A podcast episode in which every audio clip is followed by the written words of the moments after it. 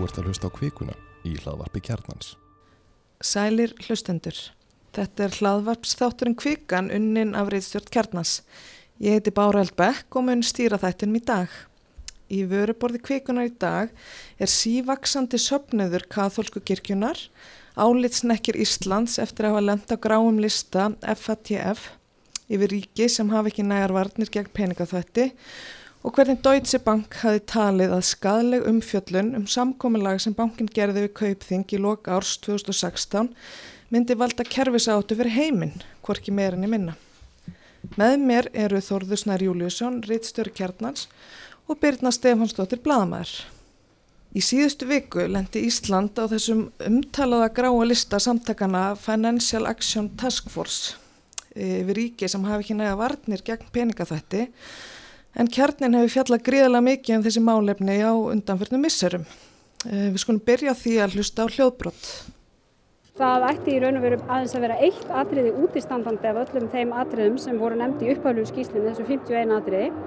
Þannig að það er að sjálfsögðu vonbriði og það er ákveðin óvissa sem verist fylgja því. Við höfum dæmum að þessi listi hafi haft lítil áhrif en að sjálfsögðu er mér andum okkar orðspúr og ég tel eh, kannski að þarna sé verið að breyðast ansi hart við þeirri stöðu sem raunverulega er uppi. Þarna heyrðum við í Katarinu Jakobsdóttur, fósættisræðara, en hún sagði í samtala við fréttastofu Rúf að það eruðu gríðarlega vombriði ef Ísland lendi á gráum lista um ósamvinni þín lönd. Hún sagði enn fremur að hún teldi að þarna væri að vera að bræðast ansi hart við þeirri stöðu sem raunverulega væri uppi. Þorðusnær, nú hefur þú fjallað mikið um sem mál. Hvað fælst í því að vera komin á þennan gráu lista og ertu sammála fósættisraðaranum að veri sig að bregðast ansi hartu stöðinni?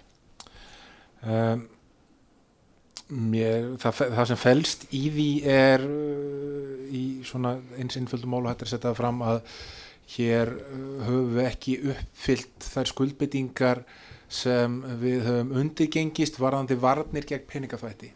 Uh, við höfum verið meðlimir af Financial Action Task Force eða FATF síðan snem á tíund áratunum fyrsta úttektin á stöðu mála hérna á Íslandi fór fram 2006 nokkrum árum eftir að króna var sett á flót og við erum kannski svona uh, ja, líkleri viðkomustæðu þeirra sem veldu stund á stórfælds peningaþvætti sem fullgildir þáttækjendur í alþjóðlegum fjármálaheimi en áður. Og uh, við sögum þá frá því fyrir ansið lungu síðan hérna á kjarnanum eftir að fengið upplýsingar um þær kannanir sem að fara í þá meðal annars á þá starfandi viðskiptaböngum að niðurstaðan úr þeim útöttu sem fjármála eftir liti reðst í þá var sannlega ekki ákveð, síndi ekki góða stöðu. Bankarnir voru ekki að þekkja viðskiptavinni sinna, þeir voru ekki að þekkja nægilega vel hvar fjármunir voru að koma sem voru að koma til viðskipta til þeirra. En fjármálur eftir þetta kláraði ekki þær útöttir nema á einu banka. Kláruðu útöttin á kaupþingi og uh, þar byggði eftirfylgnis skýslan eða matið fyrst og síðast á því að, að svona, ef maður lefði sér að sletta að taka orð kaupþings á face value, þar sé að kaupþings sagðist hafa tekið til í því sem hérna, uh, ábyrtingar hefur verið gerðar um, henni bankandi voru ekki kláraðir og það voru augljósar og alvarlegar brotarlæmi sem komið fram í þessum útöttum, það er engin vafi ég lesi þér uh, svo bara kemur hrun og við erum einhvern veginn, setjum upp höft og erum lítið að pæla í þessum málum. Uh, lítið verið einhvern veginn að skoða það hvort að hér sé eitthvað peningaþvætti staður eða, eða ekki. Uh, og að svona, gengi út frá því að höftin muni verja okkur frá því. En peningaþvætti er alls konar. Peningaþvætti getur átt sér stað líka innan hafta og í gegnum höft uh, og svo framvegis. Og svo uh, kemur að því að þetta, þessi, hérna, þessi samtök FATF koma aftur hérna og gera úttækt á Íslandi sem er skilað og hún er byrt vorið 2018 og það er niðurstaðan bara einfallega svo að við fáum fallengun það er tiltakið feikilega mörg atriði sem er ekki lægi hérna hjá okkur. Og það er ráðist í alveg ofsalega mikla vinnu við það að bregðast við þessu vegna þess að ef við bregðast ekki við þá förum við á lista yfir gætum enda á lista yfir ósamunu því ríki. Það er að segja ríki sem vilja ekki fara eftir þeim tilmælum sem beilt til okkar mm. sem við auðvitað vorum á þessum tíma. Við vorum ekki að fylgja þeim tilmælum sem var beint til okkar svo fáum við þessar aðtöðasendir og, hérna, og við bregðumst mjög vel með að mörgu leiti það er breytt regluverki hérna, ný lög, ný heildarlög um peningaþvætti eru sett uh, og uh, farið í allskins fjárfestingar í nýjum kerfum fyrir peningaþvættiskrifstofuna sem fær nýtt nafn og fleira starfsfólk og alls konar svoleiðis. Og uh, þetta bara uh, við, við gerum liftum ákveðnu grettistæki í það að hafa sko grundvallaratriðin í lagi. Vandamálið við það að, og ástæðan fyrir því að við lendum síðan á þessum gráa lista er það að uh, við erum bara búin að leggja grundvöllin, við erum ekki búin að sína fram á það að framfylgdin sé í lagi einfallega vegna þess að þetta er allt svo nýtil komið. Og við veitum það alveg að það er að vera með allt laga umhverfi alveg tip-top 100% uh, en uh, hafa fram, framfylgdina sjálfa í ólægi þannig var þetta til dæmis margsinni sérna fyrir hrun var þetta alls konar hluti og þetta er eitt af því þess að þau tiltaka FATF í, í sinni niðurstuð að, að, að, að það hefði einfallega ekki gefist tími til þess að sjá hvort að framfylgdin sé í lagi. Og þess vegna endur við á þessum gráalista það hefur ákveðna afleggingar uh, hversu miklar á bara einfallega eftir að koma í ljós. En augljóslega er þetta orðspós og álitsnekkir fyrir ríki sem telur sig vera uh, í fremstur röð þró, þróara vestræðna mm. markashækjörfa líðræðisríkja að lenda á svona lista með Zimbabwe og Mongolíu sem koma nýinn á gráa listan mm. með okkur. Uh, þetta er bara ekki gott og eftir stendur að við erum bara segum það að hafa litið í hináttina í áratvíi uh, þegar það kemur að peningafættismálum og getur engi með góðu móti sagt að hér hafi verið stunda stórfælt peningafætti en það getur heldur engi með góðu móti sagt að það hef ekki verið vegna þess að þegar þú kýst að fylgjast ekki með, þegar þú kýst að leita ekki þá eða finnur ekkert. Uh, það eru raukstutar vísbyttingar um það að hér gæti hafa átt sér stað umdarsveit peningafætti það eru margs konar. Hérna innan haftana uh, getur við hort á hluti eins og uh, misnóðskon á spilakursum til þess að, að, að þvætta fíknirna gróða eða annan gróða sem er upprunnin í svarta hækkerfinu það er að láta leggja inn á sig ávinningu spilakursum og einfallega keira fjármunni í gegn, þetta er eitt af því sem kemur fram í áatum að ríkislurkustjóra uh, á peningaþvættis aðstæðum hérna á Íslandi. Uh, Gjaldiris eftir þetta seglabanka svo að verulega ábótavand þar sé að þekking á peningþvættismálum var, var sögð uh, vera verulega ábótavand Uh, gjaldiris kaup útlendinga Íslandinga hérna á Íslandi eru öll skráð á sama reikningin það er að segja bara uh, sama kennitalan. Það er að segja, ef, segjum bara að komið einhver maður frá útlöndum uh, sem er að stunda einhverja svæstna starfsemi, mannsal eða fíknirna-sölu eða eitthvað slíkt og hann fer með sinn varning út um allt og selur hann og, og situr uppi með hauga af íslensku krónum sem hann hefur ekkert að gera með heima í Hollandi eða Zagreb eða hvar sem er uh, og vil skipta þeim í efrur þá getur hann flakkað á milli banka og skipt þeim í, í erlega gjaldmeila undir ákveðinu viðmiðunamarki án þess að það flaggist vegna þess að öll viðskiptunum sett á sömu kennitöluna. Mm. bara uh, gjaldir þessi viðskipti útlendingur skilur uh, sem er auðvitað fjárstæðukent það eru mörg svona dæmi og svo eru auðvitað stærri dæmi sem snúa kannski að því að Íslendingar hérna voru stórtækir í því að ferja peninga til aflandsegja hérna fyrir hún um, og uh, fólk fer, bara með penning á slíka staði til þess að koma þeim undan ykkur til þess að borga skatta ykkur staðar eða til þess að koma þeim uh, í var frá ykkurum kröfuhöfum eða til þess að fjalla þá fyrir ykkurum ættingum eða, eða, eða fyrirvændi eiginkonum eða eitthvað svo leiðis. Mm. Það er ykkur ástæður fyrir því að fólk ákveður að fara í ykkur á svona brellur og það eru alltaf annarkot fjárhagslegar sagt, þannig að hindra þú þurfur að borga til einhverju omberaðila eða þú ert að felita fyrir einhverju öðru sem á einhverju réttmæta kröfu í peningana og til dæmis þessi leið selabankar, fjárhastíkaleið selabankar sem 200 okkar miljardar eru fluttir hérna í gegn. E, og skrifaði líka alveg ævintýrilega mikið um e, þetta er leið þar sem enginn var að kanna hvort að e, þarna getur verið um peninga þvætt að ræða. Það er að segja, Sælabankin taldi ekki sitt hlutverk að, að, að greina uppruna peningana, bankarnir sem voru millingar alveg gerðu það ekki. Peningaþvættis skrifstofur sem var hér til staðar sindingri frumkvæðinsvinn og gerði það ekki e, það var engin annar eftirlits aðeins að gera það. Þannig að þegar einhver ætlar að segja bara nei það er fjárstafkjandi eða ósmæklegt að halda því fram að fjárfæstingarlegin hafi verið nótuðið til peningaþvætti þá er viðkomandi að tala gegn allir betri vitund vegna þess að það likur ekkit fyrir um það. Það er ástæðan fyrir því að þarf að rannsaka þetta. Nema okkur sé bara alveg sama. Nema okkur sé alveg sama hér hefði fullt af innlendum aðilum sem hafa kannski verið ákerur og dæmdir fyrir efnaðarsbrót eða hafa verið til rannsóknar fyrir skattalagabróta hafa verið uh, gerður upp af einhverjum kröfuhum uh, og fullt af erlendum aðilum sem við vitum ekki ennþá hverjir eru uh, ferja hérna inn fullt af peningum til þess að fá veriðisökningu á þá, leysa út gengisagnað og kaupa eignir á ódýru verði, stuðla eignar ójöfnuði á Íslandi og svo framvegis. Ef okkur er bara alveg sama þá er það bara þannig. En eðlileg viðbröð í þróuðu síðuðu ríki væru það að, að, hérna, að setja þá niður fótinn og kíkja aðeins í baksinspilin og rannseka þetta mm.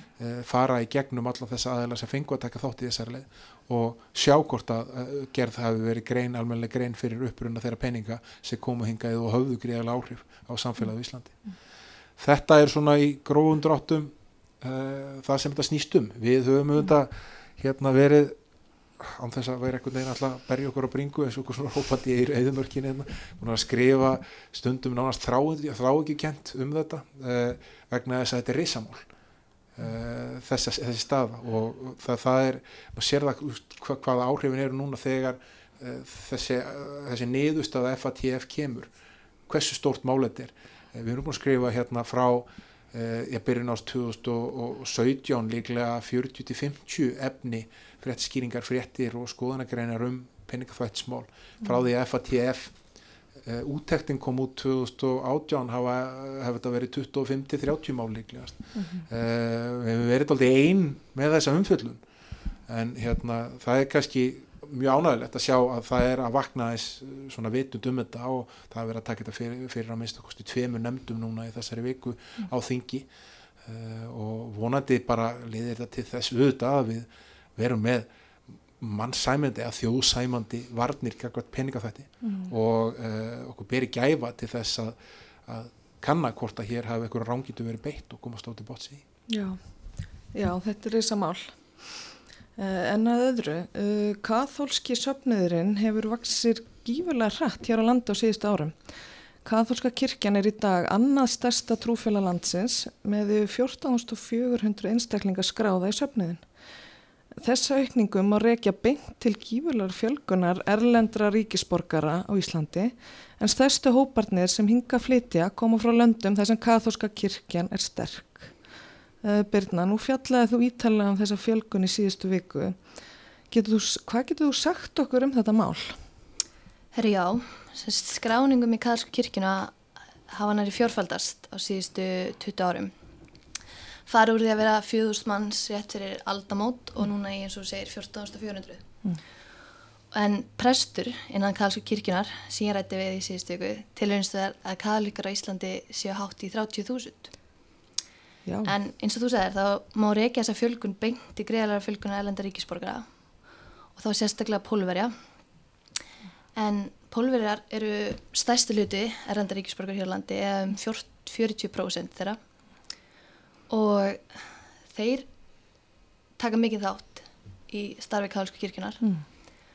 og um, En hvernig er þegar þú talaði við þennan prest um, hvernig gæti hann svona útskýrt uh, hvernig gengur að aðlagast íslensku samfélagi? Já, það er náttúrulega þeir eru auki mikið starfið sitt mm. nú eru komin að áttasóknar í Íslandi og mögulega bætast í nýjunda salfossi mm og hverjum sunnindegi þá eru fjóramessur, fimm með lögadaskvöldi á íslensku, ennsku og pólsku og það er eiginlega nánast alltaf fullt út á dyrum. Þannig starfseminn er aukist mjög mikið og því spurði hann núna þegar þetta er vaksandi afl á Íslandi hvort þeir myndi vilja hafa á, meiri áhrif á stjórnmál og hvernig það virkaði hvort að sérst, skoðanir eða hugmyndi Karlsku kirkina rýmuði við viðtæknum skoðanir í Íslandi.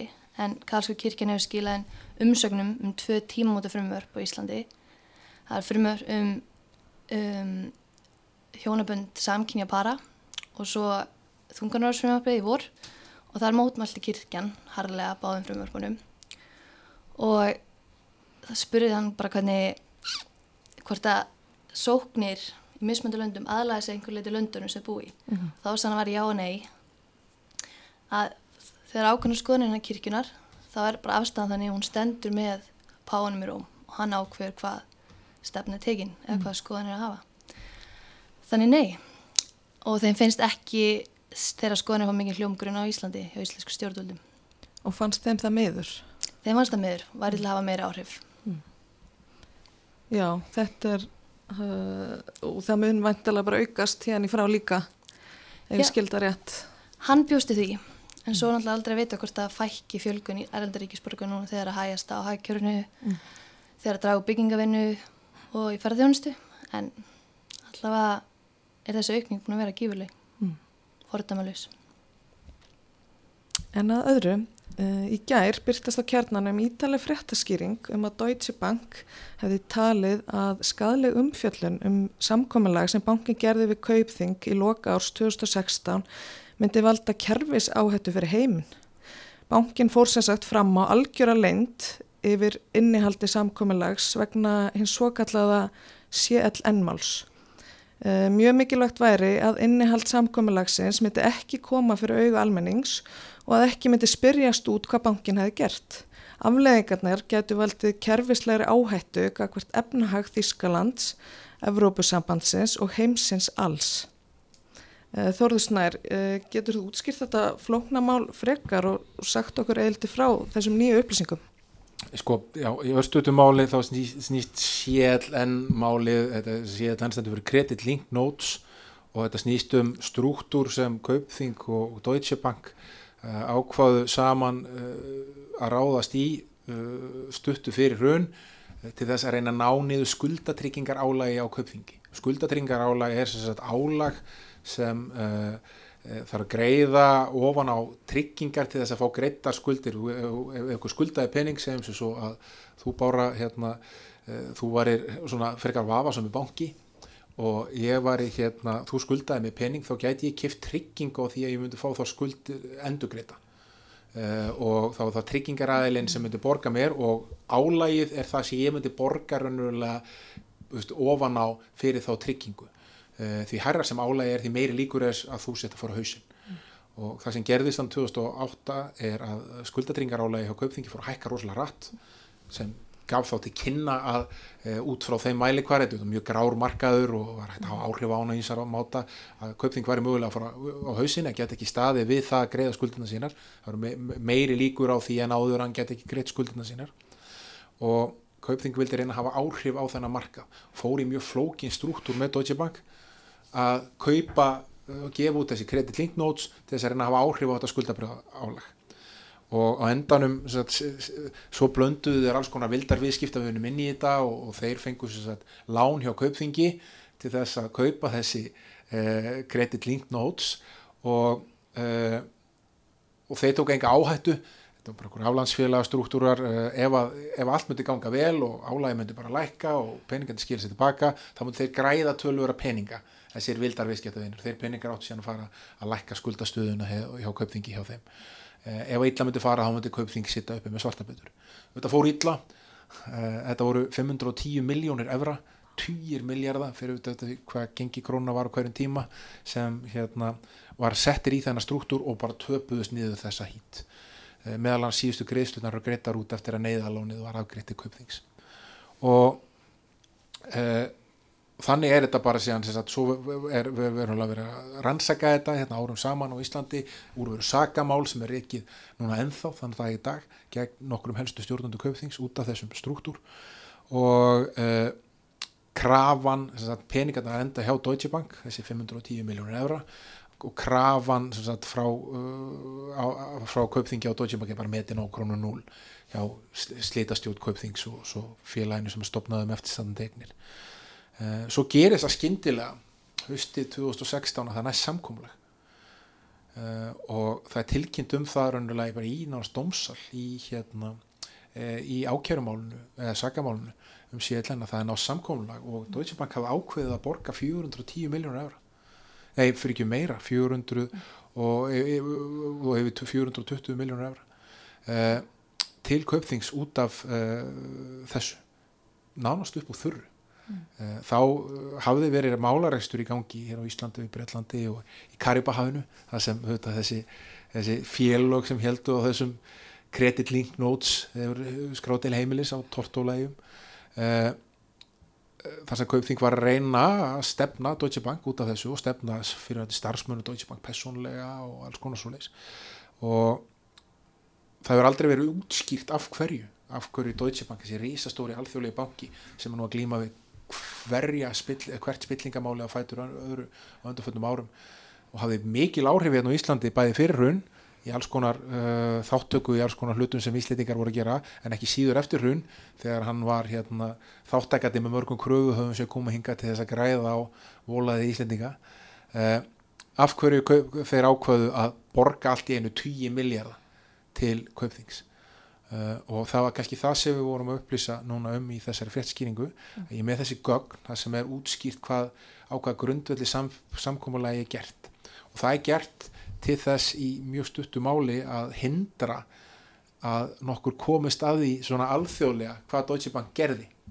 Eh, þeim fannst a, þeir mátu það sem svo að það eru upplýsingar um hegðun Deutsche Bank í þessum CLN struktúr uh, væru skadilegri fyrir bankan en það að greiða út þessa upphæð það er að segja yfir 420 miljónir evra uh, sem eru alveg feikilega feikilega há upphæð. Og uh, þau útskýra það uh, í þessum gögnum með, með, með, með þessu sem þú taldur upp hérna að Deutsche Bank sé einfallega kerfis, það kerfislega mikilvægur fyrir Þískaland, fyrir Európa-sambandið og heiminn allan að það geti valdið uh, skada kerfislegum vanda ef að það er upplýst að Deutsche Bank væri nú að haga sig með þessum hætti. Síðan þá eru þetta komið bara svona penningþættismál hjá Deutsche Bank sem er mjög erfið og hafa valdið honu tölur um vandræðum. Bankin er búin að fara í gegnum mikið rístruktúr núna og svo er vona bók hjá eh, viðskiptafrættstjóra New York Times sem fjallar einhverja um New York Times nei, um, um Deutsche Bank, núna er byrju næsta ás eh, sem eh, er beðið með mikill óþrið, það sem hann er með mikið af frumgögnum. eh, þannig að hérna, þetta er alveg, alveg ótrúlega að lesa þetta og lesa líka þær kröfur sem Deutsche Bank setja fram. Þessi að þegar samkóla hefur staðfest fyrir domstólum í Breitlandi þá voru það upp á myndband eh, en ekki skjálfesta og svo innsikla eh, öll gögn málsins samstundis svo ekki það þessu verið nokk tíman umbert og þetta er hérna, já, þetta er alveg ótrúlega reyfarkent Já, en, svo, en svona erum við núna hér og búið að upplýsa um þetta og munið þetta hafa þessi þessi gífalög áhrif? Nei, ég held að uh, Deutsche Bank bara með annari hegðun sinni sem hefur verið ofnböruð á undanfötnum árum hefur verið sjálfur sér vestur. Eh, það, mm. það líka fyrir að Deutsche Bank er kervislega mikilvægur líka að minnstakosti fyrir eh, Þískaland eh, og mögulega Európa-sambandi og þar á leiðandi heiminn. Mm hann er bara það stór banki. Uh, og það er hérna það er allt reynd til þess að hindra það að Deutsche Bank fara á hausin mm. en uh, það er bara svo margt að koma upp úr krafsunu, hann er innvinklaður var stæst, eitt stæsti lánveitandi Donald Trump líka.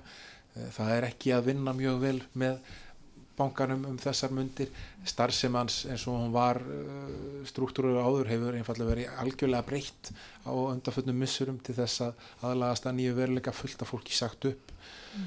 uh, en mér fannst áhugavert líka vegna sem ég hef verið að lesa bók Svein Herald Augord uh, sem var hérna selabókastjóri í korter hérna eftir hunnið uh, og hann komið svona já, áhugaverða álíktun um þetta allt saman. Hann sagði þess að hérna eh, eða bendi á að þegar greiðslan frá Deutsche Bank kemur eh, þegar er að borga kaupþingi það gerist á fyrsta ásfjörnum 2017 og þá var búið að leysa slitastjótt kaupþingsu það var búið undir þetta nöðasamninga og kaupþingi er bara orðið eignaratsfélag sem er stýrt af ykkur stærstu kröfu og uh, þannig að þá fara raunlega greiðslunar beint til þessara kröfu hafa og hann er að benda á það að, hérna, að þarna eru 425 miljónir evra koma til kaupþing sem voru einu sinni bara metnar á krása á á 0 bara viðbútt sem fyrir til þessara kröfuhafa eftir að nöðasamningarnir voru gerðir hérna.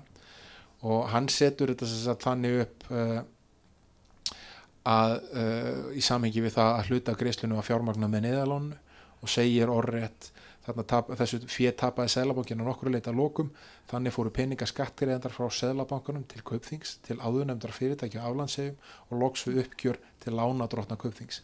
En það eru engum bandarískir áhættusjóður þannig að hann svona er að setja upp þá áleiktun að það sé hægt að tengja upp ringgrás frá því að neyðarlánið var veitt hluti af þeim peningum hafi síðan sagt, farið enda hjá Deutsche Bank sem hafi síðan ákveð að endugreiða á þar sem þeir enda inn í kaupþingi eftir að nöðusamlingar voru gerðir og enda bara í fanginu á okkur um bandarísku vónarsjóðum þannig að hluti af neyðarlánu hafi farið bara endað á árunni 2017 mm. í höndunum á bandarísku vónarsjóðum eftir að Deutsche Bank ákveða að endugreiða hlutaði og þetta finnst mér alveg áhugaverð pæling en þetta eru eins og bara allt annað mm. sem við kemur aðkomu okkar að fjármálarekstri hvort sem það er fyrir hrunni eða á undarföndum árum er eiginlega bara svo ykkur svona sci-fi myndum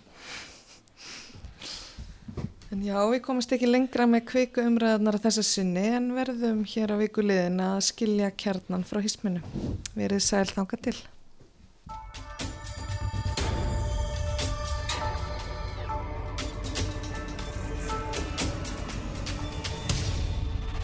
Þú ert að hlusta á kvikuna í hlaðvarpi kjarnans.